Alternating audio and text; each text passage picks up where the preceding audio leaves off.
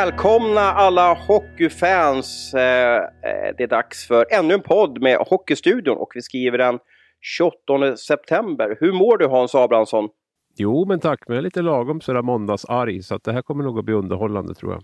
Och du har jobbat två veckor i sträck. Ja, inte riktigt kanske, men, men snudd på i alla fall. Ja, vi har dubbla helger här också. Så att, eh, ja, men, nej, men nu börjar man få upp ångan här, så nu är det bara att ösa.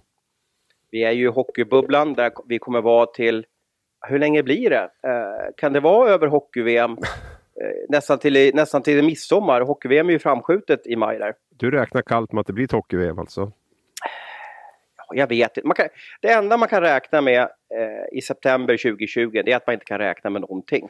Precis. Det var någon som sa att man måste vara flexibel den här säsongen och det har jag tagit med mig. Man måste vara flexibel varje dag och eh, både på kort och lång sikt så måste vi vara flexibla och vara beredda på att vad som helst kan hända. Eller jag använder Johan Hemlins eh, eh favorituttryck. Den här säsongen är ett levande dokument. Ja, det var Per Mårts som hade spelsystemet som drog in det där från början va? Med, med ett eh, levande dokument, Tre Kronors spelsystem. Och det ligger väl mycket i det. Det är, väl, eh, det är väl så vi ska leva våra liv, som ett levande dokument. Absolut. Vi drar igång. Eh, och högst uppe på min, på min sjökarta här, när vi ska åka den här färden idag, så står det regeringens PK Regeringen hade kallat till presskonferens för, i förra veckan. Vilken dag var det? Kommer du ihåg exakt vilken dag det var? Torsdag skulle jag klämma till med. Var det torsdag? Ja. Eh, och jag gick lite på, på, på, på tårna här, var spänd och liksom förväntansfull och så vidare. Men vad är det som händer?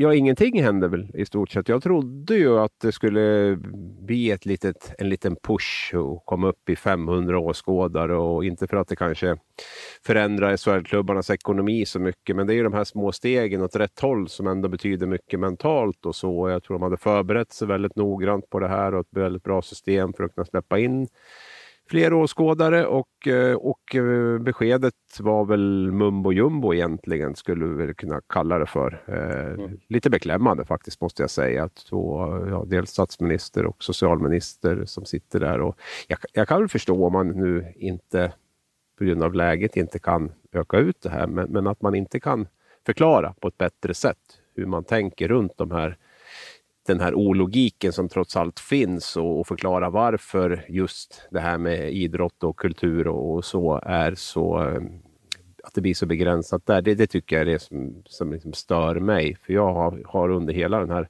pandemin haft väldigt stor respekt för att idrott är en väldigt liten del i det, i det här. Och, eh, men, men just att ge folk förklaringar, berätta, för att nu, nu, nu börjar det ju bli rejäl irritation bland, bland väldigt många. Och Fast väl... förklaringen är väl ganska enkel om jag ska liksom sätta mig på, på den ena axel och, och liksom hålla på med en treudd och se ut som en liten lilljävel. Är det inte så att hockeyn ses inte som en samhällsnyttig tjänst? Eh, ja, men finns det, är det samhällsnyttigt att gå på restaurang och gå på affärer? Ja, okay. ja för du måste ha mat. Ja, men inte på restauranger. Du kan ju köpa mat i affärer. Ja, ja, men så är ju i alla fall grundlogiken Däremot så finns det hela... ju det här med, med tillstånd och sånt förstår jag också. Att det, det är ju lättare att Men tillstånden för... baseras ju på en samhällsnyttig tjänst. Att det här är viktigt, det här måste vi göra för att överleva och ja, så men sen är det ju ett arrangemang också. Måste väl, konserter och, och um det går ju under ordningslagen om vi nu ska börja och, mm. och grotta ner oss i, i det. Så att där, där, finns det ju en tydlig skillnad. Det är ju lättare men, att stänga Men vi kan säga i alla fall att reglerna säger att det inte är tillåtet att ha mer än 50 på hockey, men man kan vara 2000 inne på Ullared. Så, så enkelt kan man ju säga. Va? Liksom att så, så är ju reglerna idag och det kan vi inte förändra över en natt och så vidare. Och så är det. Uh, Nej, man kan inte vi... förändra någonting över en natt, men däremot så kan man ju göra justeringar i det här regelverket så att det blir en, mer logi... en större logik. Det slår ju väldigt, väldigt orättvist just nu. Jag har egentligen inte tänkt ge mig in i den här debatten, för det är så många andra som driver den här debatten högljutt men det är klart att det, det börjar komma till en gräns där man ändå måste försöka vidta vissa åtgärder för att jämna ut den här obalansen. Nu har man ändå haft 7, 8, 9 månader på sig. Om man då säger att vi jobb... Den senaste presskonferensen med Mikael Damberg var det väl ändå den antydningen att det måste bli en det måste bli en eh, mera logisk, eh, mer logik i det här att, att det, det, kan liksom inte, man kan inte stänga eh, före trubadurer på, på, på när, rest, eller när trubaduren kommer till restaurangen och så vidare. Så det, det, det, är ju, det finns ju ett, eh, ett glapp där tycker jag. Mm. Och om man bara drar en liten resumé eller sammanfattning så är alltså då att eh, eh, idrotten, kulturen, väntar lite nu på, på att få, få förändrade eh, villkor för sin verksamhet, det vill säga att man kan öppna upp för x antal åskådare. 500 har nämnts, diskuterats och så vidare. Och man har, det fanns ju en förhoppning i, hos alla människor i Hockeyallsvenskan, Hockeyettan, SHL att oj då, från 1 oktober så kanske vi får ta emot lite mer folk då. Men, men det regeringen sa här i torsdags, det ska vi också vara noggranna med, att de sa egentligen ingenting. De sa inte att det, att det inte blir en förändring och de sa inte att det blir en förändring utan de spelade lite sarg ut och väntade på nya fakta, nya, eh, ny kunskap från FHM och så vidare. Så att man liksom, det vart lite sådär blasé, lite urvattnat överallt. Och det kanske var det för att våra förväntningar var så stora som det vart en besvikelse. Jag vet inte hur gemene man hade sett på den här torsdagen. Men, men jag tror i alla fall att luften gick i alla fall ur många som bevakar kultur och idrott. Ja, och det är, jag är ju helt övertygad om med det, det, det här protokollen som man har satt upp nu och med den här noggrannheten som kommer att vara på, på arenorna så är det ju en betydligt mindre risk där än ibland tvingas jag faktiskt ut på, på sådana där shoppingrunder och det är, ju, det är ju vidrigt att vara på många ställen för det är så mycket folk och jag har suttit på tåg också den senaste tiden där det har varit väldigt hög beläggning och, eh, och så vidare och så vidare. Så det, det, blir, det blir lite det blir obalanserat tycker jag. Du pratade med Färjestads eh, eh VD där och han delade ut en riktig lavett på, på ja, etablissemanget, eller regeringen kanske man kan säga. Ja, regeringen och, och Folkhälsomyndigheten också då kanske lite grann. Så det, jag, Men är det, inte, är det inte att de börjar liksom få lite kniv mot strupen också, jo, så, de, jo. så de hugger så här jo, också? Att de, självklart. Det här kanske man skulle ha sett lite tidigare, att det, det vi inledde den här podden med, att det enda vi vet det, det, är att vi inte vet någonting. Det råder en pandemi. Ja, och där har vi den andra och det är väl det jag kan tycka är lite störande i den här att det är väldigt få som tänker två tankar samtidigt. Utan antingen så är man jätteförbannad på regeringen och Folkhälsomyndigheten eller så är man förbannad på att klubbarna har har satsat som man har gjort. Och eh, jag tycker att det, det, är två delar i det här. Alltså, SHL-klubbarna har ju satts i en extremt taskig sits. Man har ju totalt missbedömt situationen. Och, eh, menar du alla klubbar eller menar du några klubbar? Sett, eller? Stort sett. Vi kan ju, börjar jag räkna upp vilka klubbar som har gjort det rätt och fel så, så blir det alltid någon som, som tycker att den klubben borde ha gjort det rätt. Så det spelar ingen roll. I totalt sett, om vi ser SHL som, som en liga, sen finns det undantag åt båda hållen och som har, som har sett det här tydligare och vissa som inte har sett det alls. Så, eh, men tar vi SHL totalt som liga så har man gjort en otroligt stor missbedömning i det här och sitter ju lite grann med, med Svarte Petter på handen nu och det gör ju också att desperationen ökar när den här typen av besked kommer. För att man, man har ju verkligen kniven på strupen och det finns eh, en enorm press på att det behöver komma in eh, intäkter inom väldigt kort. Och det är klart att det här beskedet gör ju att ja, det finns väl ingenting som talar för att det blir mer än 500 före för jul i alla fall. Eller om det nu ens blir Man ska i alla fall räkna med det om man är kassör eller klubbdirektör. Ja, tror jag, i alla fall. Och, och, och, nu sitter man ju med de eller utgifter man har på grund av att man har byggt trupper för en normal säsong kan man väl säga. Och det gör ju att um, situationen är ju jättepressad på, på många håll och det skapar väl också naturligtvis en ännu större irritation mot, mot det här. Men sen kan jag väl, jag kan hålla med en del i det Stefan Larsson säger, även om han naturligtvis sitter med en otroligt dyr trupp i, i Karlstad där och, och är det, ja. ja. han röstar ju utifrån, eller tycker utifrån märket som man har på sin, eh, på sin kavaj också, måste man säga, bröstmärket. Ja, eller i alla fall ja, utifrån, ja, utifrån klubbens sida. Ja. Säger så. Ja, jo, har ett, absolut. Men, har ja. Ett, ja. men jag tror att ja, alla klubbledare där har väl lite samma. Det är väl mer här att man får släppa in publik, inte just att det kanske är den egna, egna klubben, även om den står närmast. Så, så visst är det väl så. Men det är just den här inkonsekvensen som, som, som blir väldigt svår att förstå i, i långa loppet. Nu har det ju varit det har ju sett ut så här nu sen, sen det började. Va? Att det har i stort sett varit fulla varuhus hela tiden. Och, eh, men idrotten får inte släppa in i stort sett någonting. Och inte kulturen heller. Och det är klart att det, det blir konstigt. Det, det tror jag många tycker och tänker. Och det värsta problemet när man varken släpper, släpper på åtgärderna eller förklarar dem blir ju lite grann att folk till slut kanske blir så förbannad så att de börjar strunta i, i eh, rekommendationer. Mm jag hade en sån här äh, ja, upplevelse, om man kan använda det ordet, igår. Äh, jag var på matchen Djurgården-Frölunda. Eh, som satt jag med bilen och åkte till Dalarna. Eh, så käkade jag på Max i Enköping. Och Enköping, för alla er som har åkt lite bil här i Mellansverige, vet att det är ett nav från Karlstad, Västerås till Stockholm och även kanske också lite norrifrån om man åker från Mora ner och så vidare. Men det här Max-restaurangen alltså var överbelarmad med, med eh, ungdomslag. Alltså jag, jag, det fanns inte en enda sittplats ledig på det här Maxet. Eh, eh, jag och min dotter och, och hennes pojkvän, knappt så vi fick plats. Alltså det, var så, det var så högljutt och det var så mycket folk. Och då satt man ju där på, på, på någon pall, hamnade jag på. Liksom sådär. Så kände jag liksom sådär, hur, hur, hur kan det här vara möjligt? Alltså, det råder en pandemi. Eh, jag vill inte ta ut glädjen från de här ungdomslagen som var där. Det var något softbolllag eller baseballlag och så var det handbollag och så vidare. Så att säga. Men hur kan det här vara möjligt att vi trängs här? Men att jag kommer precis från en arena som, som en av Sveriges största idrottsarenor och där fick det, det fick inte vara en enda person där inne. Det, det, det är väldigt märkligt. Jag, jag håller ju med om det. Då. Men, men på ett sätt igen, vi kommer tillbaka till att det är ju det som gäller just nu. Jo. Så det var väldigt speciellt för mig att, att uppleva det kan jag säga. Liksom då. Men igen, vad, jag har ställt en fråga många gånger, gånger till Abris. Hur länge kommer det vara så här? Det är ju den frågan jag får fem gånger per dag. Ja, jag är som jag är inne på att det lär ju inte bli mer än 500 före jul i alla fall. Sen, mm. Men sen hoppas jag då att eh, Larsson, alla andra räknar med det här. Förstår du? Och det, jag, jag pratade med några klubbledare för jag har, jag har ju liksom lusläst den här rapporten från Ernst Young och, och, när jag läste den så var, fick jag ont i magen. Jag, jag blev nästan alldeles kallsvettig av, av, av vad som kan hända hockeyn. Men de klubbledare jag pratade med sa att ja, men den där rapporten gjorde de i april. Det var från siffrorna som rådde i april. Sen har klubbarna efter det gjort jävligt stora arbeten att eh, rädda upp sin ekonomi. Så att jag tror inte att det är så illa som den här Ernst Young-rapporten eh, berättar om. Så att eh, de klubbarna som jag har pratat med i alla fall i helgen här om det här sa att ja, men vi, vi kommer att klara av säsongen. Det, det, det löser vi tillsammans. Liksom.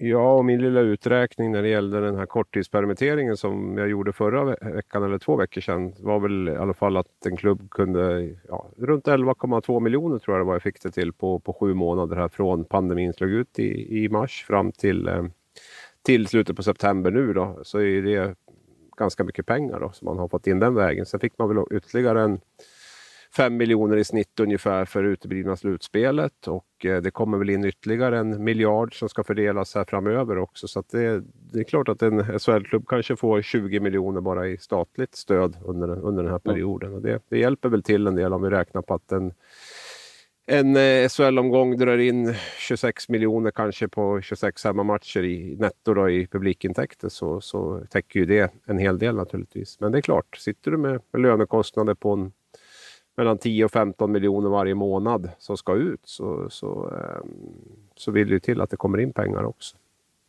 Mm, mm, mm. Eh, såg du, eh, jag vet att inte du följer Instagram så mycket, men såg du eh, Wikegårds eh, utspel i eh, fredags eller lördags? Nej, jag har sett någon rubrik om det, men jag kommer inte ihåg vad det var nu faktiskt. Han är i alla fall inne på den linjen som vi har pratat om i Hockeystugorna, att, att eh, man ska lite stänga den här serien då, stänga den här säsongen och flytta upp ett lag och, och att inget lag åker ur bara för att ja, lugna, dra, dra, ut trycket från klubbarna för att liksom bara så att, liksom, att det blir lite pyspunka på den här säsongen. Att det inte blir så, ja du vet de lagen som ligger sist, de kommer få panik, värva, eh, in med målvakter, in med spelare, eh, kicka tränare, in med ny tränare och så vidare. Det är ju den här paniken som blir, det är den som gör att klubbarna hamnar på, på obestånd rent ekonomiskt. Då. Eh, så det var lite fascinerande att fler och fler röster höjs från att vi ska på något sätt göra om, göra rätt inför den här säsongen. Ja, men det är ju kul då att fler tar, tar rygg på den åsikt som vi hade när vi drog igång den här podden i början på augusti. Var det väl, va? Så att, det, det tyckte väl jag att man skulle ha haft, en, haft som en, en plan redan i april, april, maj. Så att det skulle finnas med i, i den här. Man har en plan A och en plan B och kanske en plan C till och med. Och eh, se lite grann hur sommaren artar sig och eh, därefter skrider till verket. Och det var ju det har jag ju sagt hela tiden och det, tyck, det hade ju lugnat. Nu är ju mycket av skadan skedd. Nu har ju klubbarna dragit på sig kostnader redan. Det är klart att det, vi kommer att slippa de här eh, under säsongen-värvningarna nu av desperata klubbar som, som vill försöka klara sig kvar. Men, men i det stora hela så har ju klubbarna redan dragit på sig de lönekostnader som är nu och de blir de ju inte av med bara för att vi eh, stänger ligan. Och det är väl bara att förtydliga det, vårt förslag från början då var ju att eh, ett lag skulle flyttas upp från allsvenskan och spela på 15 lag säsongen 21-22 då. Eh, mm. Det var ju det. Så att För att inte, inte ta ut glöden från den serien? Nej, såklart. Och, och, och eh, det finns ju de som inte har riktigt fått med sig att det, att det var det som var att det var det som var med i förslaget utan att man tror att eh, Björklöven eller vilket lag det nu än ska bli blåsta i år igen på chansen att gå upp. Och så får det naturligtvis inte vara. Utan, men eh, det, det, där skulle man ju ha haft. En, man införde ju ett värvningsstopp direkt när pandemin slog till i stort sett. Där, och det, det, där borde man ju ha varit mera mera eh, vaksam och, och fullföljt det tycker jag och haft det här med ligan som, eh, stänga ligan som ett, eh, som ett alternativ högt uppe. Så att det, mm. För det är ju den här stressen, det är ju den här stressen som, som um, att inte åka ur framför allt som, som, som, skapar, som har skapat den här situationen som vi har nu.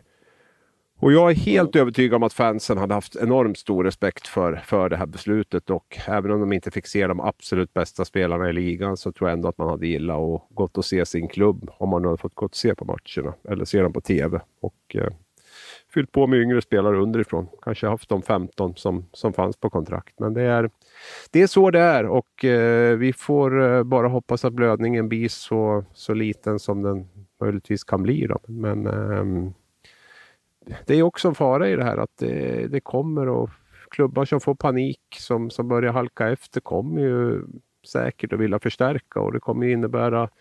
Under... Det blir ju alltid den paniken. Ja, och det, det, de, det kostar ganska mycket att göra det. Eh, så att vi, vi får väl se ytterligare pengar. Vi får se om de, om de finns eller, eller hur de kommer att gå tillväga. Det, det, det är ingen, det är ingen, det känns inte speciellt sunt i alla fall. Jag tycker jag älskar det här med att tävla lag mot lag och det ska vara man ska riskera att åka ur och jag har liksom stått på barrikaderna för det. Men, men den här säsongen så, så får jag ingen riktig puls av det när jag vet eh, konsekvenserna av det och vad det har kostat så här långt. Så det är, eh... Nej, att jobba med silly den här hösten, det, då, då, nästan som man ska byta arbete. Ja, nu är vårt arbete det kommer så pass brett det kommer bli, så tack och det lov. Kommer bli torf, det kommer bli torftig eh, värvningshöst. Ja, ja, det blir det säkert och det tycker jag känns väldigt bra om jag ska vara helt ärlig. Det, det har jag inga problem alls med och vi har andra saker att skriva om än, än, än nyheter så det, det, det har jag inga problem med.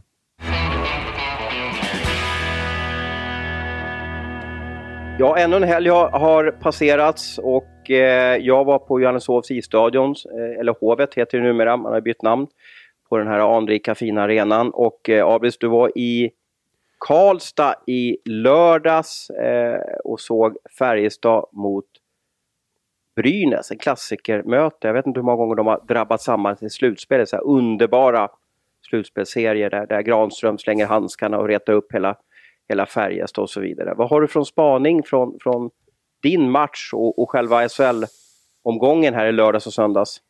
Ja, vi börjar med min match så var det ju ett rejält fall framåt för Brynäs jämfört med den insatsen de eh, stod för mot Oskarshamn. Eh, Anton Rudin var tillbaka, har väl knappt tränat med laget under eh, på nio månader, men eh, hoppade in här nu då och är ju Ja, jag blir imponerad. Det är en, det är en av seriens absolut bästa spelare. Skulle jag, säga. jag tycker att han höjer Brynäs spel något oerhört med sitt, sin skicklighet, men också den här tjurigheten och det här drivet och, och det där. Så att man ser ju att de andra spelarna växer runt honom. Så att det var väl ett, ehm, en jätteboost för, för Brynäs. Och, um, eh, tog ju, det är inte så, så lätt att åka till Karlstad och vinna. Det var, det var ju säkert jättevärdefullt. Färjestad däremot, ja, jag vet inte. Det är lite... Det, det, det går inte i takt i inledningen. Och det är ju vill man göra det enkelt så är det ju lite samma problematik som, som tidigare på ett sätt. Det är ju det är lite för enkla mål bakåt, det är för många utvisningar man drar på sig och det är eh, ett alldeles för dåligt boxplay. Så att, eh, det blir så oerhört, oerhört hårt straffad. Jag tycker framförallt i inledningen av den här serien så känns det som att eh, special teams har varit väldigt, väldigt avgörande i många matcher. Och, um, så, så har det varit för, för Färjestad och även HV som vi kommer komma in på senare. Så det, är, eh, nej, det, det, det ser sådär ut för Färjestad. Lite, kom inte riktigt in på mål heller tycker jag mot, mot Brynäs. Man, man spelar en hel del på utsidan och skapar väl kanske inte de här riktigt, riktigt heta, heta lägena. Så Vad var matchens händelse? När, när, när ropade du o fan på läktaren? Ja, var det någon sån händelse? Det var väl, um, vi hade ju en, en avstängning där på Niklas Andersén då som uh, i efterhand då igen fick tre matcher, ingenting under, under matchen. Eh, så det var väl en sån situation som eh, Jag ropade åh fan när jag, såg, när jag såg en passning från Molin där som var helt magisk fram till in i slottet om jag minns rätt. Var det inte det? Levererade inte han en riktigt så här Gretzky-macka in till slottet där och så vart det direktskott i mål om jag minns rätt. Jag såg bara några highlights. Men, det, men, eh, ja, det var, väl, Röd, det var väl Rödin som spelade fram Molin som sköt, sköt mål där. Var det så? Tvärsom ja. Jag såg bara pass bakifrån en så här ja, riktig leverpastejsmacka och sen bara, bara och då, bara, då hoppade jag till där i soffan. Ja, bara, ja, ja. Så, honom ska vi ha! Och så, ja, så fick jag tankar på julafton. Någonting. Ja, nej, men det var väl Rödin som spelade fram Molin där och som gjorde mål. Mm. Rödin, Rödin hade ju en 3-4 till. Det var ju, en, det var ju en magisk passning i alla fall.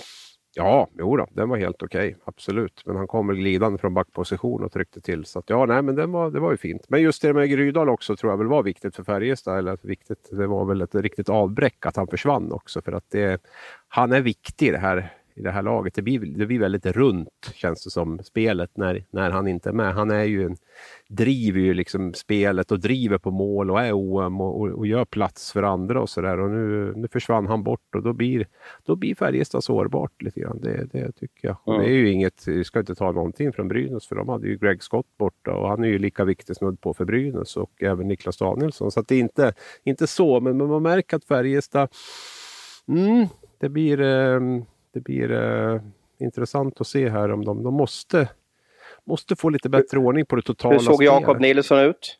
Ja, men helt okej. Okay. Helt okej. Okay. Däremot funderar jag på Namosik där. Alltså, hur länge blir han kvar egentligen? Alltså, för det, är, det såg inget bra ut nu igen. Nu vet jag att han inte var jättebra under förra säsongsinledningen heller. Va? Men den här nya bedömningen gynnar ju inte honom heller. Va? Han drar ju på sig två utvisningar tror jag det är under den här matchen. Där, som är, Två slashings som eller? inte känns så bra, ja med klubban då. Um, att, jag kommer inte ihåg men jag var på den grejen i, i, för ett år sedan, men sen spelade han faktiskt upp sig. ja, vidare, jo, absolut. Ja. ja. men jag funderar lite grann nu. Och de har ju Adam Ginning som inte spelar alls och, och, och sådär. Så de har ju, de har ju på backsidan. Nej, men det är klart, det är ju inte, det är ju inte, i dessa tider är det ju inte lätt att, att göra sig av med spelare heller. Och det är, men eh, nej, ingen trepoängare än på Färjestad på tre matcher och eh, rätt mycket insläppta mål återigen. Ligger väl på en Eh, Eh, fyra per match ungefär och det blir, det blir ju tufft. Eh, och, ehm, så att det, är väl, det är väl de spaningarna så kort därifrån. Sen om du vill ha omgången i stort. Du var ju på, ja, ja jag måste ju säga att jag, jag har sett Frölundas båda matcher, en live och en på tv och det är ju otroligt imponerande hur, hur fräscht de ser ut och hur, hur eh, vältränat, bra, synkat ihop. Det är ju det är verkligen en eh, en maskin. maskin att möta, ja, som dessutom är jäkligt i, i bra form. Man ser det, att de, de rör sig ju enormt bra och det, det är samtliga spelare. Frölunda har ju haft under väldigt många år en extremt hård belastning med CHL och, och, och allt det här och nu, nu har man egentligen bara träna och spela SHL-matcher. För dem tror jag det är liksom lite grann walk in the park eh, rent, mm. eh, rent eh, ansträngningsmässigt. Så jag, jag, tror att de eh, kan vara en ganska bra form under, under stora delar av, av serien här. Och det, är, mm. ja, det känns ju som laget att slå så här långt i alla fall.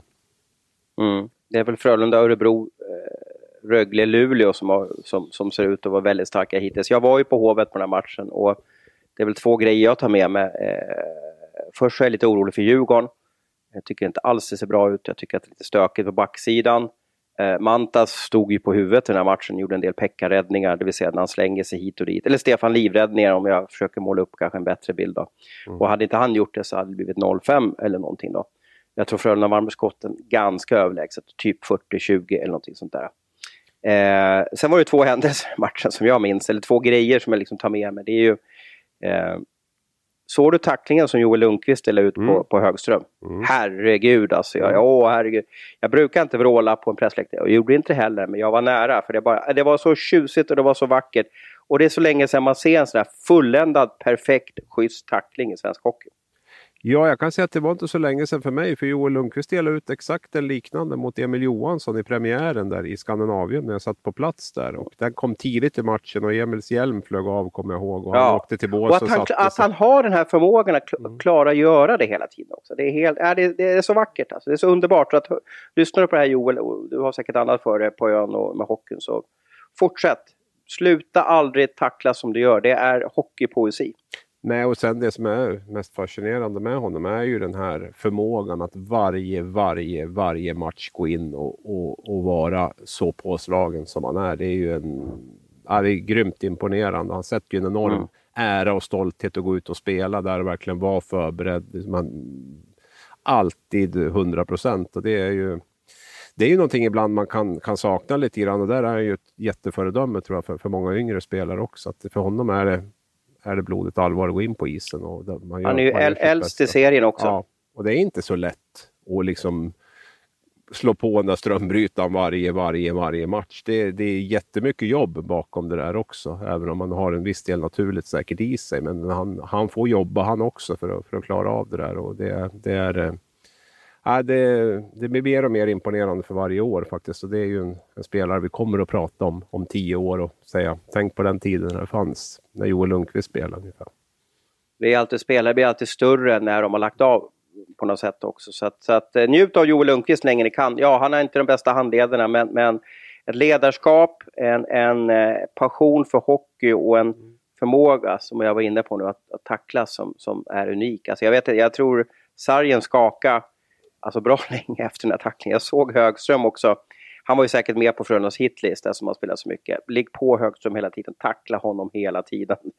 Uh, är fascinerande. Sen är, måste jag, eh, nu nämner jag två grejer som man kanske inte liksom noterar så ofta. Sen måste jag hylla Max Friberg där för den arbetskapaciteten han gör och det jobbet i boxplay som han lägger ner. Jag vet inte hur många eh, skott han täckte i, i, igår och så vidare. Men alltså vilken maskin, vilken sån där ja, vilken arbetsmoral. Han måste ju också gått kanske i Joel Lundqvists skola på något sätt. Att han bara liksom, ja men så här gör Joel, det gör jag också. Så här. Men han är, måste vara en underbar spelare att ha med sig som är helt orädd och så vidare. Sen, sen alltså Frölunda, de ser ju bra ut hittills då, men jag tycker att de saknar lite kreativitet, kreativitet i powerplay. Och li, de, de saknar Ryan Lash. Jag tror inte de kommer ta tillbaka Lash. Vi, vi, vi kanske nämner honom lite senare här, men, men eh, skulle behöva någon som liksom gör det oväntat lite i, i anfallet. Då. Men på, sammanfattar så tokhyllning till Frölunda.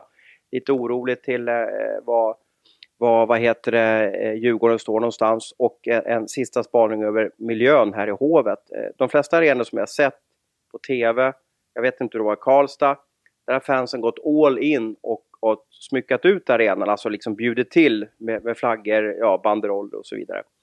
Men Djurgårdens fans var ganska kalla mot sitt lag. De, de hade faktiskt bara en hälsning så här, jag ska läsa upp den. DIF tvingas spela för att rädda en säsong. Vem kan det intressera utan färger och sång? När hovet ekar tomt är det dags att ransaka. Vilken hockey vill vi ha när vi är tillbaka? Framåt, Djurgården, från järnkaminerna. Eh, och det här är också var ju lite statement att de vill säga att ja men när hockeyn drar igång, kom ihåg oss fans. Vi vill inte att ni spelar fotboll och hockey om inte vi får vara där. Så kan man säga. Hur såg det ut i Karlstad? Var det utsmyckad arena? Ja, eh, Bryggeriet heter de va? Tror jag. Ja, eller fans. Det kan ju vara eller olika. Det behöver inte... Ja, nej, de Ja. men de hade i alla fall gjort ett, jätte, ett jättetifo där över hela den där ståplatssektionen som har blivit lite mindre sen de byggde en restaurang där också på, på den kortsidan. Men eh, där hade de gjort ett, en, ett jättetifo, en stor, stor, eh, stor flagga då, eller vad man ska säga. Eh, stor banderoll som låg över hela, hela den sektionen där som var väldigt snygg och så. Så de, eh, Mm. de, det var väl lite mer värme där då. Än, än, Det var lite mer kärlek, kan man säga Lite då. mer värme och lite mer kärlek där. Och det är Så väl... det kan jag förstå också. Alltså jag, jag, jag messade med lite Djurgårdssupportrar igår var, var, var, varför det här, vad stod det för. Men de eh, järnkaminerna hade ju gjort då, som är Djurgårdens största supporterförening, ett uttalande i samband med att fotbollen eh, drog igång. Och de sa att vi vill inte att ni spelar idrott utan att fansen är med. Och jag, det där är ju liksom grundbulten i all idrott egentligen. Ska man hålla på med idrott om inte fansen är välkomna? Sen har vi ekonomi och så vidare. Va? Men jag står fast vid sitt ställningstagande och jag respekterar det. Jag, jag tycker att det är väldigt hemskt att gå på matcher som hockeysporter, som arbetande media kan tycka att ja, men det är okej. Det vill säga det finns en del uppsida. Men som, som hockeysporter så tycker jag att det här är hemskt. Men hur ska man göra med tv-avtalet då? Ja, och vi kommer ju tillbaka till det hela tiden. Eh, det där, vad är rätt och vad är fel? Moment 22. Ska vi inte spela, ska vi spela? Eh, och sådär. Och igen, nu återupprepar vi vad vi sa kanske i början. Det enda vi vet den här säsongen, det är att vi inte vet någonting. Vi kan inte veta vad som händer om två veckor. Det kanske blir en sån klausul i kommande tv-avtal framöver att spelas det, inte, spelas det matcher utan publik så, eh, så har vi möjlighet att ställa in säsongen eller cancellera. Force, ma force major, ska man säga ja, så? Ja, det är ju en helt ny situation det här och det här är ju långa avtal som har skrivits för ett tag sedan som, som inte riktigt tog, tog med den typen av klausuler i, i, i ett uh, i ett kontrakt. Men den, ju... den, som, den som skriver in en pandemiklausul också måste man ju fundera på när man sitter och förhandlar med sån, då undrar man ju om man har rökt svampar eller vad det är för något. Mm. Alltså, vem, ska, vem ska kunna gissa att det här ska kunna drabba världen? Nej, den, eh, den hade nog inte Jörgen Lindgren sett framför sig när han tecknade SHL-avtalet. Och, eh, det, är, det är väl på två sätt. Jag vet inte vad som blir. Blir det så mycket bättre om vi inte spelar då? Blir, det, blir vi lyckligare om vi tar ju bort en krydda, vi, vi, tar ju bort en krydda i livet för många, det vill säga att kunna kolla på tvn och se en match och följa ja. sitt favoritlag. Ja. Eh, sen är ju frågan rätt och fel det här med fansen. Eh, de, mm. får inte vara, de får gå och handla på, nu är vi tillbaka igen, vi låter som någon gammal ja, papegoja här. Ja, att vi låter, man får vara på Ullared, man får vara där, man får vara på Tylösand, eh, eh, man får vara på Max i Enköping, men man får inte gå på hockey och stötta sitt lag och så vidare. Va? Eh, men igen, vi får väl se vad som händer och vi hoppas att publiken kommer tillbaka. Du Abis, vi hade ju faktiskt förmånen att vara på hockey i helgen och, och följa våra matcher och göra vårt jobb precis som vanligt som inte vi fick göra våras. Eh, en överliggande spaning det är att vi har spelat 14 matcher nu i SHL och vi har 10 bortasegrar. Är det här bara statistiskt mumbo jumbo eller kan den här nya verkligheten 2020, det vill säga liksom en ekande hemmaarena, ha någon effekt på, på vad som händer på isen.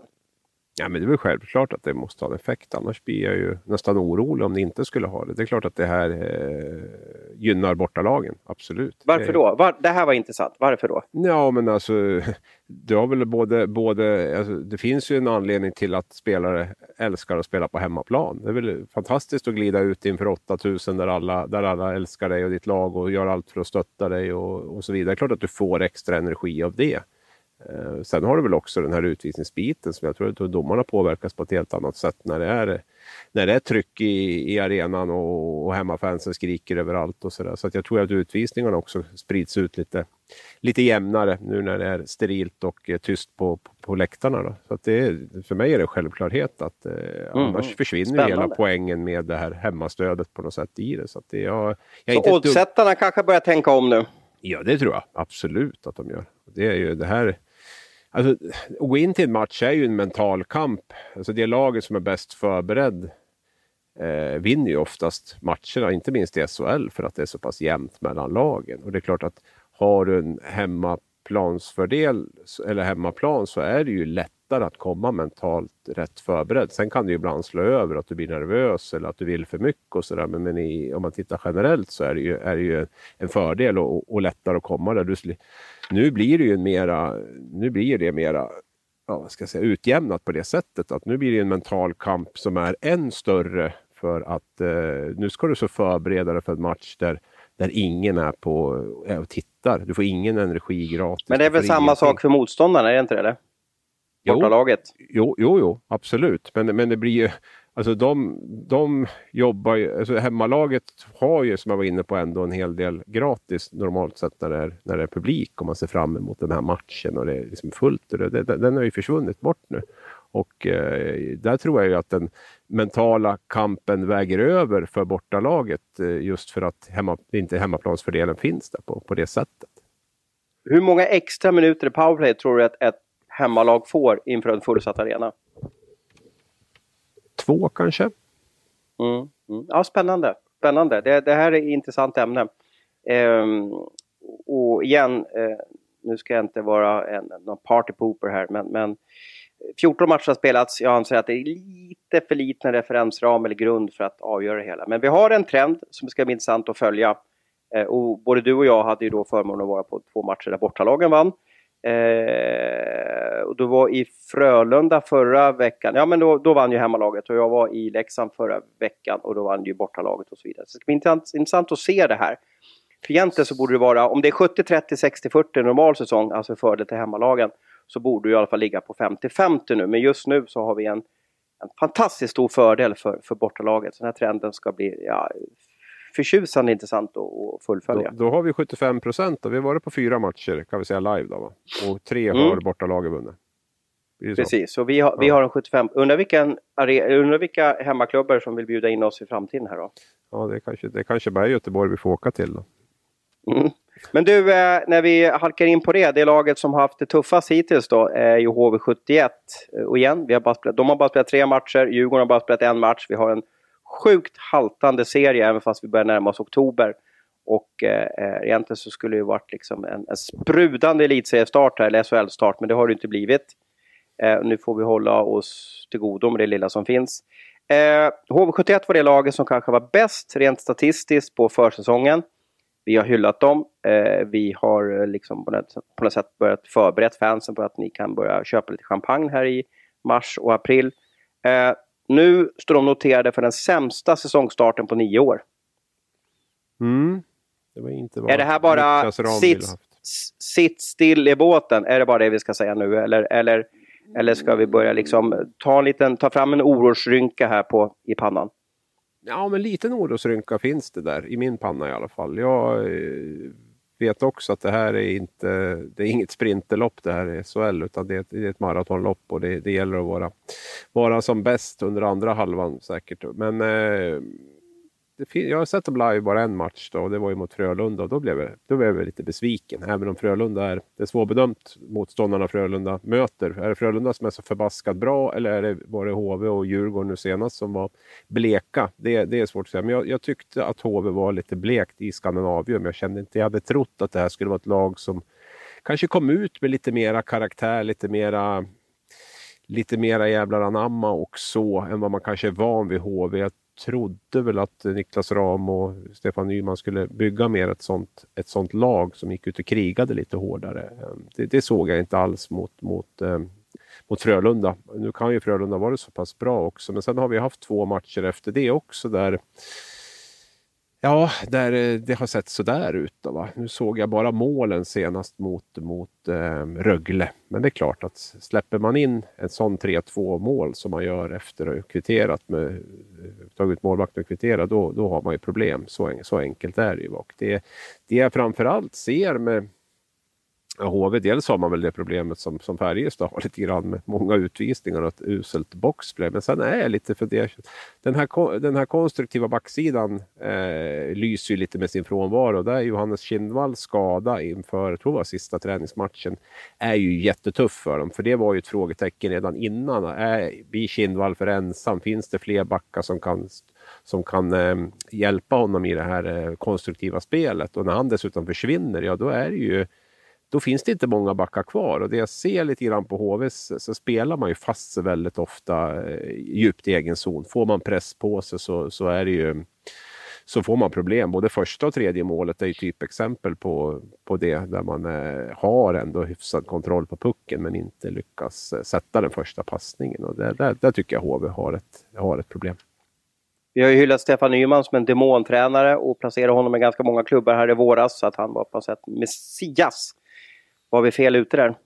Nej, men Stefan Nyman är en duktig backtränare och Stefan Nyman är också framförallt väldigt bra över tid tror jag. Det han gjorde i Djurgården var ju, det var ju inte att Djurgården eh, spelade SM-final första året utan man tog upp dem, alltså det var ju allsvenskan när han kom dit och man bygger, bygger ju på sikt där och det är klart att han han sitter ju lite grann med den backsida han har också, va, som, som, eh, där, där mycket var kvar sedan tidigare. Och eh, jag tror att han kände samma sak när han tittade på den inför säsongen som jag gör. Att det är, det är ganska mycket defensiva pjäser i, i det där HV-laget som eh, där väldigt mycket skulle hamna på Kindvall och där, när han då blir skadad så blir det, blir det ett jätteglapp där. Det, jag menar, Jesper Williamson är skadad, men Didrik Strömberg, Anton Karlsson, Emil Johansson, Bertov, Arell. Det, det, det, är, det är eh, i första hand eh, defensiva spelare tycker jag som kanske inte har sin största styrka i det konstruktiva spelet med puck. Så att, eh, och ja, eh, Martinsson kanske inte riktigt liksom kommer tillbaka dit han var när han var i Växjö och sådär. Så, så det, det, jag, jag, tror att vi ska, vi ska ha väldigt mycket is i magen där också. Det, det är ju på sikt som de här lagen ska bli, ska bli bättre. Så att det, det, det tror jag väl fortfarande att Sen de har vi mött tre lag också här som på något mm. sätt är de lagen som inletts starkast på säsongen. Eh, Örebro, Rögle, Frölunda. Så det kan ju också vara en liten tuff start för dem. Då. Men de har släppt in ganska mycket mål. Eh, nu har de spelat igen. Gör något statistiskt fastställande superfacit hittills går ju inte eftersom alla lag har spelat lite olika typer av matcher. Och HV har alltså släppt in mest, flest mål hittills då, men de har också spelat flest matcher de och, och Färjestad. Men tänk dig Niklas Ram då, som, som kommer in då som ja, Jönköpings kille där, vad vi kallar det för, och, och spelat hockey där och, och, och, och, så får han den här starten efter den här försäsongen. Alltså det måste vara, då är det ju så mycket skönare att ha en halvdan försäsong och sen inleda SHL sådär. Tänk att komma in där, alltså förväntningarna blir jättestora och så får man den här starten då.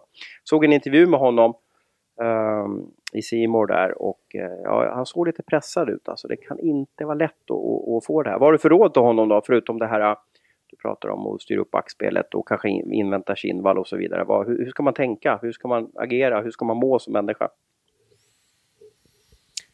Ja, det gäller nog att hitta en bra balans. Att eh, ställa krav men, också, men det får inte bli för, för mycket. Det får inte bli för hårt heller från hans sida. Det, är väl, eh, det kan jag väl tänka mig att det är en sån här sak som, som kanske Ram jobbar med eller har liksom fått tips om att jobba med. För han är ju en ganska så här ganska het, ganska eh, mycket, ganska påslagen hela tiden. Och det är klart att är man huvudtränare så, så måste man ha en lite bredare palett tror jag, där man, där man kan eh, där man kan eh, vara lite beroende på hur situationen. är. För det kan ju vara också en situation nu att HV är väldigt, eh, HV-spelarna är väl säkert pressade också. Va? Det är ju inte säkert att det hjälper att han vrider åt den här kranen ännu hårdare utan han måste nog vara väldigt flexibel för det där och inte bli för pressad själv heller. Att han måste tänka klart, försöka se se vad som är bra, vilka, vilka knappar han ska trycka på. Inte trycka på för många knappar utan försöka att rätta till små saker och vara positiv också. Va? Så att det inte blir bara en, en, en ond cirkel av det. För jag tror att alla,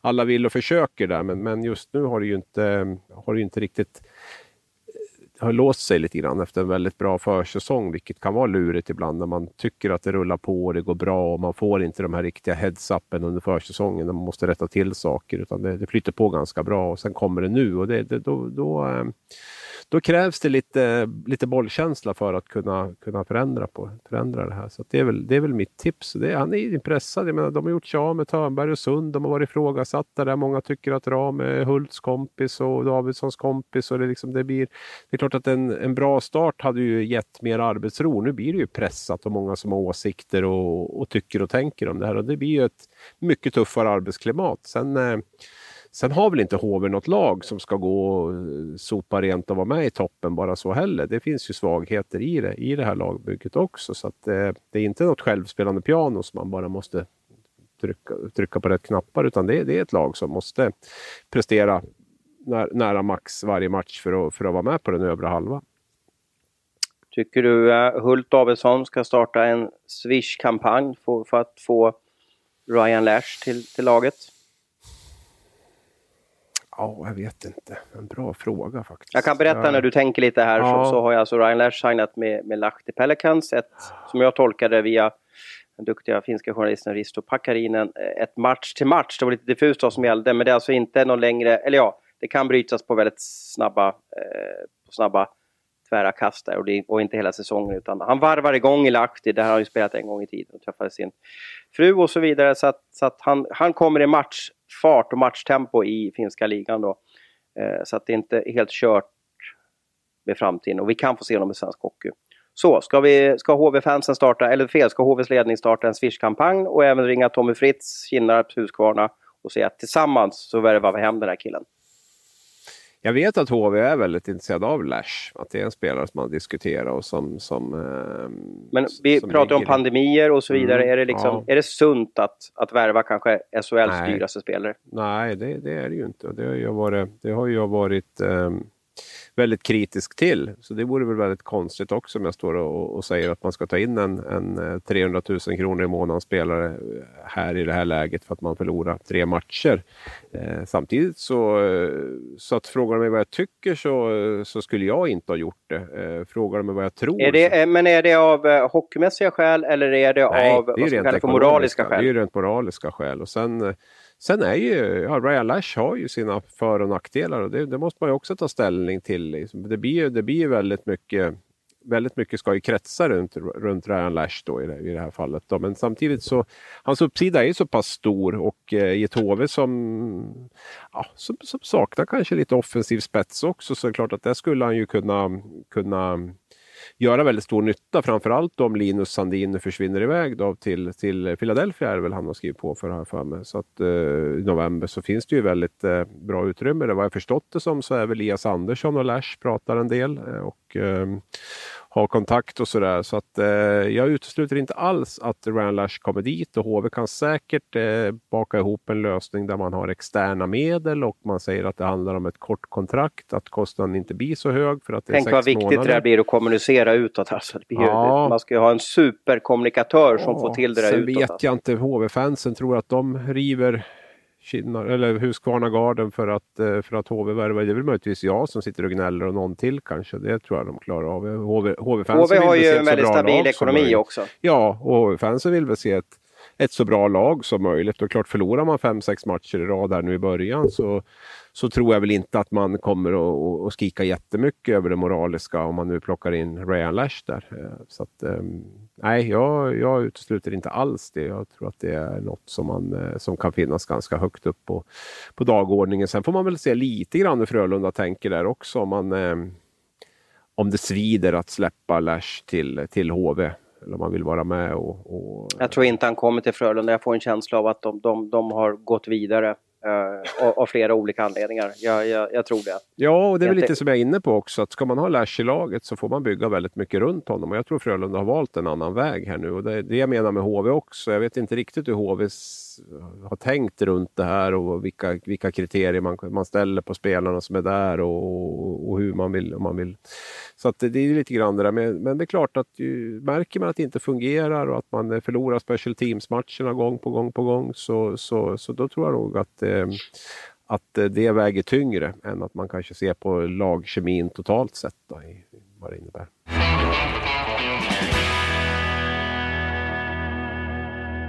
Växjö tänkte jag vi ska nämna några ord om innan vi går vidare och pratar, eh, jag tar inte läsarfrågor här.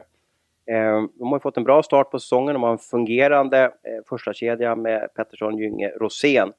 Och jag fastnade lite med en intervju med Rickard Gynge. Jag vet inte om han har pluggat på KTH eller läst teknisk fysik eller vad det är, men han gjorde ett uttalande här som fascinerade mig. Eh, vet du vilka uttalanden jag menar? Eh, ja, jag satt och kollade faktiskt inför Färjestad-Brynäs så satt jag och lyssnade på, eh, jag hade faktiskt simorsändningen på i bilen så jag hade bara ljudet eh, på, har jag för mig, och eh, hörde något där. Jaha, du körde med tv-ljudet i bilen, var det så? Ja, alltså, inför. Vad hände med gamla goda Radiosporten då?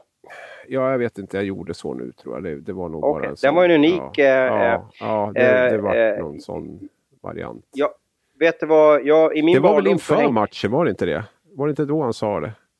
Att de hade ja, gjort jag, reportage jag, jag, såg, jag, jag såg det, jag, såg det, jag såg det efteråt, så jag vet faktiskt inte okay. om intervjun gjordes. Oh. Men de hade i alla fall 14 avsl avslut mot Linköpings mål, så de gjorde en väldigt bra match. Oh. Eh, och jag måste bara stanna med att du lyssnar på eh, ett tv-bolags sändning i bilen. Vet du hur jag är uppväxt? Ja, delvis vet jag hur du är uppväxt.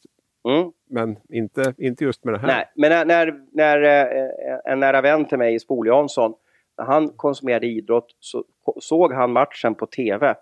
Men så, så körde han med Radiosportens ljud till. Mm. Eh, och det tyckte jag var så fascinerande. Så det, det, är en del av min uppväxt. Men du gjorde ju en omvänd Spol-Jansson, kan man kalla det för det?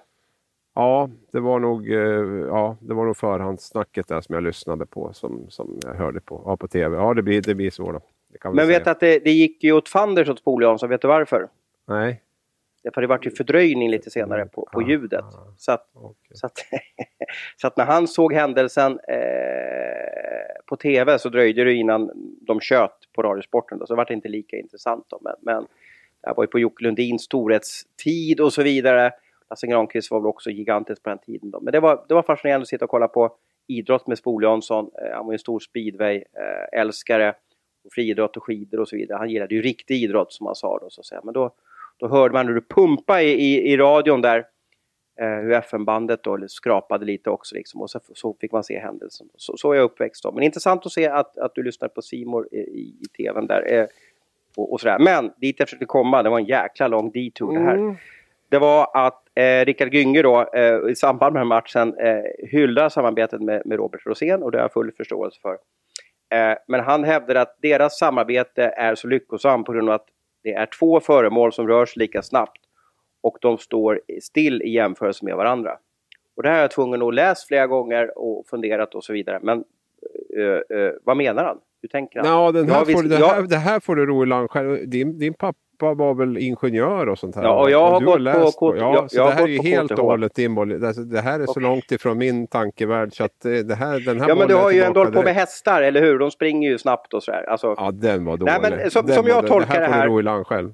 Okej, okay, ni får gärna komma med, sök upp oss på sociala medier och skriv gärna en, en formulering eller motivering hur det här är. Men det är ju så här, om vi ska prata om hastighetslära, så är det så att om du sitter i en bil eh, och åker på E4 ner mot, mot Stockholm mm. och så tittar du till höger och så ser du en bil bredvid dig till höger. Mm. Och om ni åker lika snabbt så ser det ut som att, ja, att ni står helt still. stilla. Ja, ah. precis.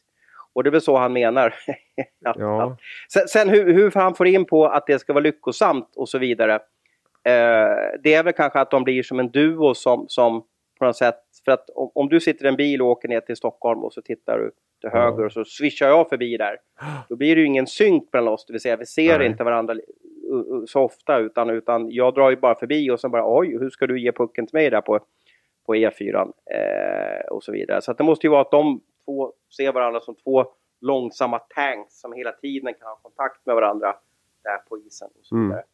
Förstod du mig eller vart det ja, ja, du är eller? jätteduktig. Var jättepedagogiskt. Och så de, de två är de här långsamma bilarna och så swishar andra bilar runt omkring dem bara så här som de inte har någon ja, kontakt med. Och då kan inte de synka eget. med den här snabba Emil mm. Forslund-spelaren för att ja. de kan inte prata på samma språk. Men när, när de rör sig hela tiden sådär. Lite som Daniel Henrik Sedin, de borde ju vara två exakta föremål som rör sig lika snabbt och, och, och, och, när de ser varandra så ser de ut som att de står still på isen men, men alla andra ser som att de rör sig i, i olika eh, hastigheter fram och tillbaka. Eller hur? Ja, så det är lite lika barn leka bäst om vi ska översätta det till lite sån här, eh, sånt som jag förstår. Ja, precis. Och att ibland så kan det vara bra också att inte åka 120 där på isen utan det kan vara ganska bra att åka lite i Bremberg-tempo och, och och liksom köra flippassningar till varandra, för det är vad de gör och så vidare. Ett djup han bjöd på bjöd på där, Rickard Gynge. Kanske en framtida mattelärare.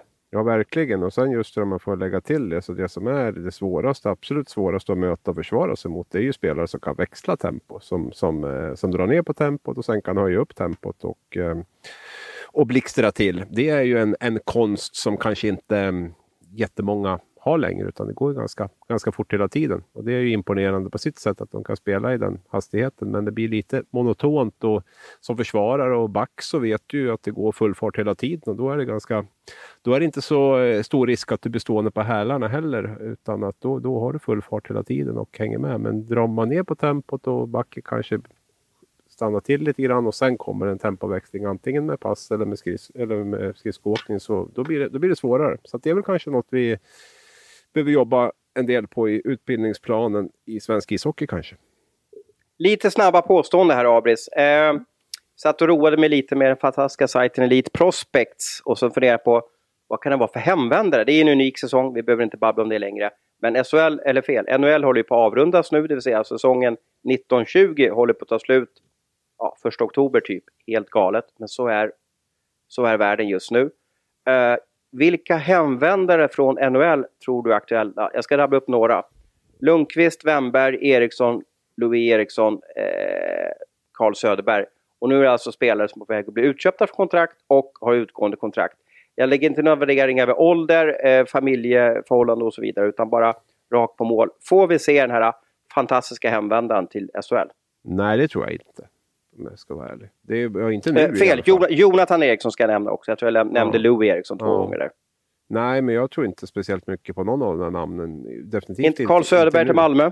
Nej, nej, men de kommer väl att vänta in uh, Free Agent-marknaden misstänker alltså de, de uh, och, och, Free Agent-marknaden blir alltså i december? Du vet, det är helt, ja, helt galet. Ja, där. Men ja, det, det, är ju, nej, men det är självklart. Det är ju, de spelare du nämner nu är ju högaktuella för, för spel där borta. Däremot undrar jag, mm. när får vi se den första spelaren tillhörande en NHL-organisation som skriver ett eh, kontrakt i SHL nu över hela säsongen?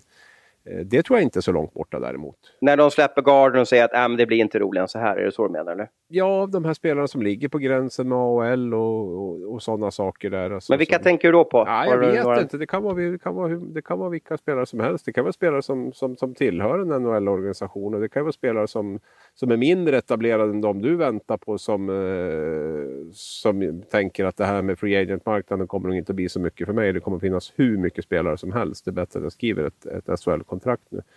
Så att eh, det tror jag det är, för jag tror många NHL-klubbar nu också ser att det är ju bättre att den här spelaren spelar hela säsongen i, i, i Sverige än att vi vet inte ens om det blir en AHL-säsong och han ligger just nu, ja kanske inte supernära en, eh, en eh, NHL-plats. Och då tror jag att det kan vara högaktuellt med att man, man börjar skriva med, med SHL nu. Man har gjort det i Hockeyallsvenskan redan med, med vissa spelare. Sen kan vi väl ha synpunkter på om det är kontrakttekniska skäl eller inte. Men, men jag tror att det kommer närmare och närmare att vi snart får den första NHL-spelaren eller spelaren som tillhör en NHL-klubb i alla fall. Som kommer att, Sen är vi tillbaka lite det här, vågar de värva eh, Ullmark? Typ. Alltså, vågar ja. man det som SHL-klubb? Men det har vi redan ja, avhandlat. Ja, varför det, inte? Eller, eller varför? Men pengar för att man äventyrar ja, framtiden. Ja, ja, ja, ja, men det kan ju vara relativt eh, billiga lösningar sett till eh, om man nu fortfarande har en värvningsmarknad öppen. Så, så är ju det, kan ju det vara en, en rätt billig lösning på det. Om nu NHL-klubben eller spelaren själv är mest intresserad av att bara få spela matcher igen så, så kanske inte pengarna är det som eh, som väger tyngst när han ska välja klubb. Och vi kommer ju också ha ett ganska stort överflöd av, av spelare så det kommer ju inte att, det kommer ju vara klubbarnas marknad lite grann där. Och därför så, så tror jag det. Men eh, nej, så att det, jag, jag tror att vi snart får se lite Mm, spännande. Ja. Just nu har vi åtta importer i topp 10 poängligan. Är det bara en, eh, liksom en, en slump just nu för att vi inte serien har satt sig? Eller har vi extremt duktiga importer den här säsongen? Ja, men där måste vi nog vänta lite grann till tycker jag. Det är väl, eh... Hold your horses, kan man ja, säga så? Ja, vi hade väl... Nu vart jag lite tagen på sängen, men jag har för mig att vi har haft ganska mycket svenska med de senaste åren. Vi har, före det hade vi väldigt mycket utländska spelare. Sen har det varit ett par år med ganska mycket svenska bland, bland topp 10 där. Så att, eh, jag håller med dig också, jag tror man ska vänta lite. Ja. Sen har ju Leksand en, en superkedja. Då. De ja. tre kommer att vara uppe i topp 10 eh, hela säsongen om de får hålla sig skadefria. Så att de kommer ju göra att det blir ett, ett ja, i alla fall tre platser kommer vara mm. tillskrivas Slovakien och, och USA. Då. Ja, det håller jag med dig. Jag tror de, de kommer ju att dra varandra framåt där och eh, då har du som sagt 30 procent redan med, med utländska spelare topp 10 om de, om de fortsätter nu som de har gjort. Leksand har ju Ja, men det finns mycket, mycket intressant där faktiskt med, med mm. deras spel. Och sen har vi vår vän som vi har hyllat här. Vi ska se om han är på topp 10 just nu då. Jag tänker på... Borna? Ja, Bam Bam. Ja, ja han är ju på trea. plats tre där. Borna ja. Rendulic. Ja. På två ja. matcher har han gjort fem poäng och vi fick en fråga här från, jag tror att det är Rallu, eller fel, åh uh, oh, jag är så dålig på motorsport. Vad är det Marcus Eriksson åker för något? Är Indycar eller? Nej. Är det Indycar? Jag är ja. ännu sämre än dig på. Nej, jag, ja, nej, men okay. nu kan vi vara helt ute och cykla. Men jag vet att ja, han är Vi ber om ursäkt för att vi... Han, ja. han, kör, han är jäkligt duktig. Han är, ja. han är väldigt snabbt att åka på fyra hjul, ska vi säga så? Eller? Ja, det är han. Definitivt. Och, och vi ber om ursäkt. han ställer frågan, hur långt kan Örebro Hockey gå i år? Eh, spännande lag och väldigt bra tränartrio. Rendulic, årets fynd SHL. Mm. Ja, jag skrev ju en tweet när han, jag, jag hörde av mig till mina kontakter där som hade sett honom i Finland och Tyskland och så. Skrev, han skrev min, min kontakt där att det, han har troligtvis världens bästa skott skrev han. Ehm, mm. Lite i det, men alltså jag skrev ut det och fick väl lite, blev lite uppäten på det där och sa att du har du sett Ovechkin och det här. Men, eh, men, nej, nej, men han har ett, ett fruktansvärt klipp alltså i bössan och han skjuter ju... Pavel Brendel. Ja, jag skulle nästan säga att det, det här är, han har ju inte något speciellt vad heter det, anslager, heter det så? alltså han, han, han behöver ju inte svinga så, så högt heller. Liksom, utan han, han inte Kenneth på... Kennolt alltså? Nej, och det, det, spelar ingen roll om det är fri sikt eller om det är skymning eller om det är folk i vägen. Puckarna hittar dit ändå. Det, det, är, det är ett, um, det är ett jäkla vapen han har i den där bössan. Sen har Men är han årets fynd hittills? Eh, värvningsmässigt eller spelare, så ja, jag gillar ju Adam Tambellini faktiskt måste jag säga. Jag kan ju du har många av den positionen, du har ja, även Camper och Cehlarik, så du har många som ja, ja, är uppe nej, men Jag vill nog vänta lite, alltså Rendulic, jag vill inte helt, alltså han har spel i sig, sen kanske inte han är den där superskickliga spelaren, han har ju framförallt sitt skott. Så att jag, jag vill nog vänta. Hur ska man göra för att stoppa honom då? Om du ger tips här till 13 SHL-coacher, hur gör man för att Ja, man lär ju förhindra att han skjuter. Mm. Och det kan ska ju man, ska man punktmarkera honom? Ja, alltså det är ju, det är ju du, du bör ju se till så att han inte får igenom skotten. För får han igenom skotten så är det ju väldigt farligt. Så det bör ju, du bör ju ligga väldigt, väldigt nära honom i alla fall. Eh, när, när de spelar powerplay. För att eh, vara beredd på att han, att han kan skjuta. För problemet är ju att eh, det går inte att lämna till målvakten heller bara för att han skjuter så pass bra så att eh, han gör mål även med frisikt och, och när, när, målvakten har frisikt. Så det, det, är lite, det är lite lurigt, men du måste helt klart ligga väldigt nära honom. i Tror du lagen i kommer lära sig Superborn eller Bam Bam-borna eller tror du att han är så skicklig så han kommer hitta sina skott hela säsongen? Nej, men jag tror att, de kommer, jag tror att det kommer vara en kombination. Jag tror att de kommer att lära sig det. där. Svenska lag är ju generellt väldigt duktiga på att ligga i skottlinjen och eh, jag tror att man kommer att ha väldigt bra scouting på honom och framförallt Örebros powerplay och så vidare. Så att det, det kommer att bli tuffare för honom. Samtidigt så tror jag inte att det, det är svårt att ta bort en sån spelare helt i och med att han eh, han har ett sånt exceptionellt bra skott och eh,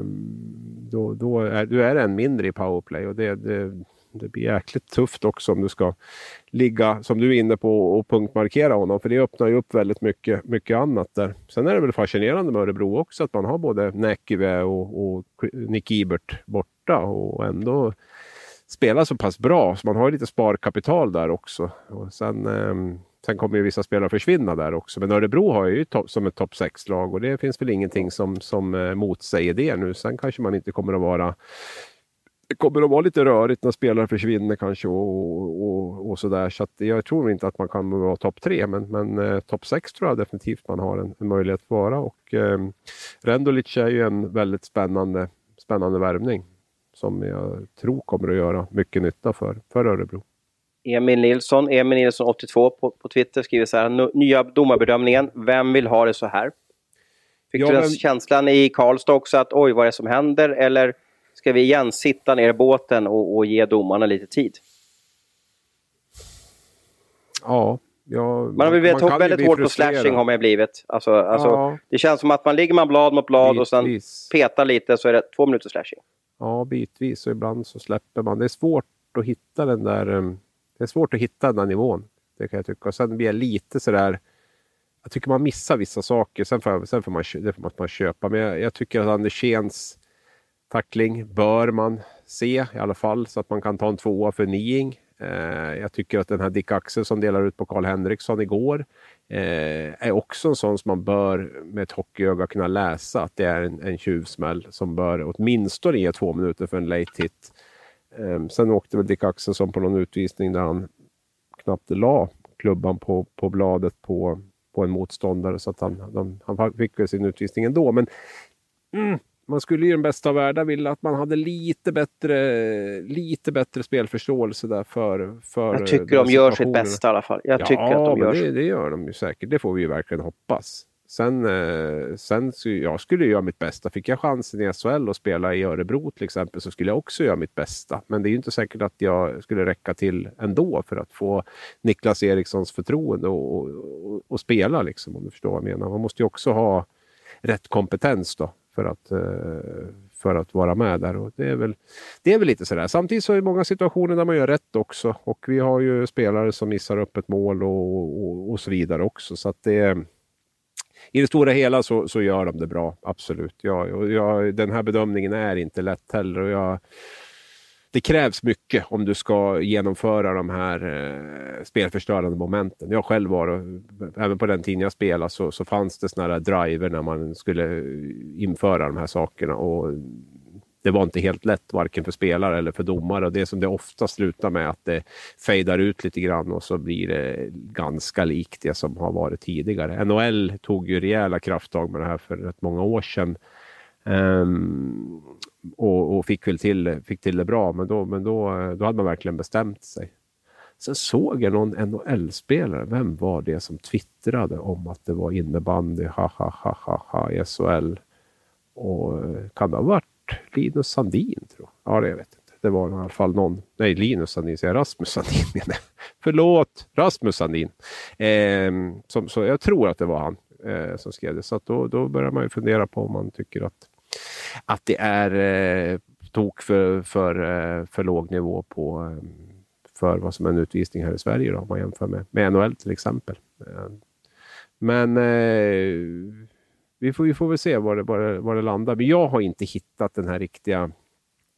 Det är så svårt också, för nu är det så tyst i arenan. Alltså man hör ju, det smäller ju på klubborna lite titt som tätt och då ibland är det inte utvisning och sen kan det vara andra som är utvisning. Så det är, det är lurigt. Men jag, jag, jag, däremot tycker de här eh, som är uppåt handskarna, det är, det är faktiskt väldigt bra att man tar dem. För det, det är en ganska så tydlig signal till spelarna som jag tror är ganska lätt att förstå också. Att slår du upp mot handskarna eller petar upp mot handskarna eller hakar upp mot handskarna på motståndaren, då, då, då blir det utvisning. Och det är också lätt att åtgärda som spelare, för då är det klubban mot isen som, som gäller. Sen har vi sett exempel på spelare som har gjort rätt, men som åkt ut ändå. Då. Men, men det, är, det, det är ju så kan det ju bli ibland. Men eh, det är lite, jag tror att det är viss frustration över, över de här eh, bedömningsnivån. Det tror jag absolut. Både mm. bland spelare och tv-publiken. 65 minuter, dags att avrunda. Folk står och väntar efter att de har eh, sprungit sitt mil här. De vill in och duscha och de vill gå vidare. De vill hoppa upp till jobbet eller hämta ungarna på, på dagis och så vidare. Eh, tror du våra röksignaler till varandra funkade idag? ja, vad var det de skrev? Var det tråd och, och burk eller sånt där som man körde förr? Som vi ska fortsätta med den. Ja. Vi ska veta att vi försöker göra vårt bästa med teknik. Vi är, eh, vi är gubbar som, som eh, ja, vi bara gör vårt bästa när det handlar om tekniken. Det är bara det enda jag kan säga. Så håll ut. Vi, vi försöker vrida på det här varje vecka, att det ska bli så perfekt ljud som möjligt. Uh, har ni tips och råd också hur vi får ännu bättre ljud, hör av er till oss. Jag tror ni vet var ni, var ni når oss någonstans. Uh, det är väl dags att stänga av, uh, sätta på sig blåstället och ut och jaga lite intressant info till våra lyssnare och läsare. Ja, det låter ju spännande. Det får vi ta och ta tag i direkt tror jag. Tack för att bollar. jag fick prata med dig Abis idag. Tack själv.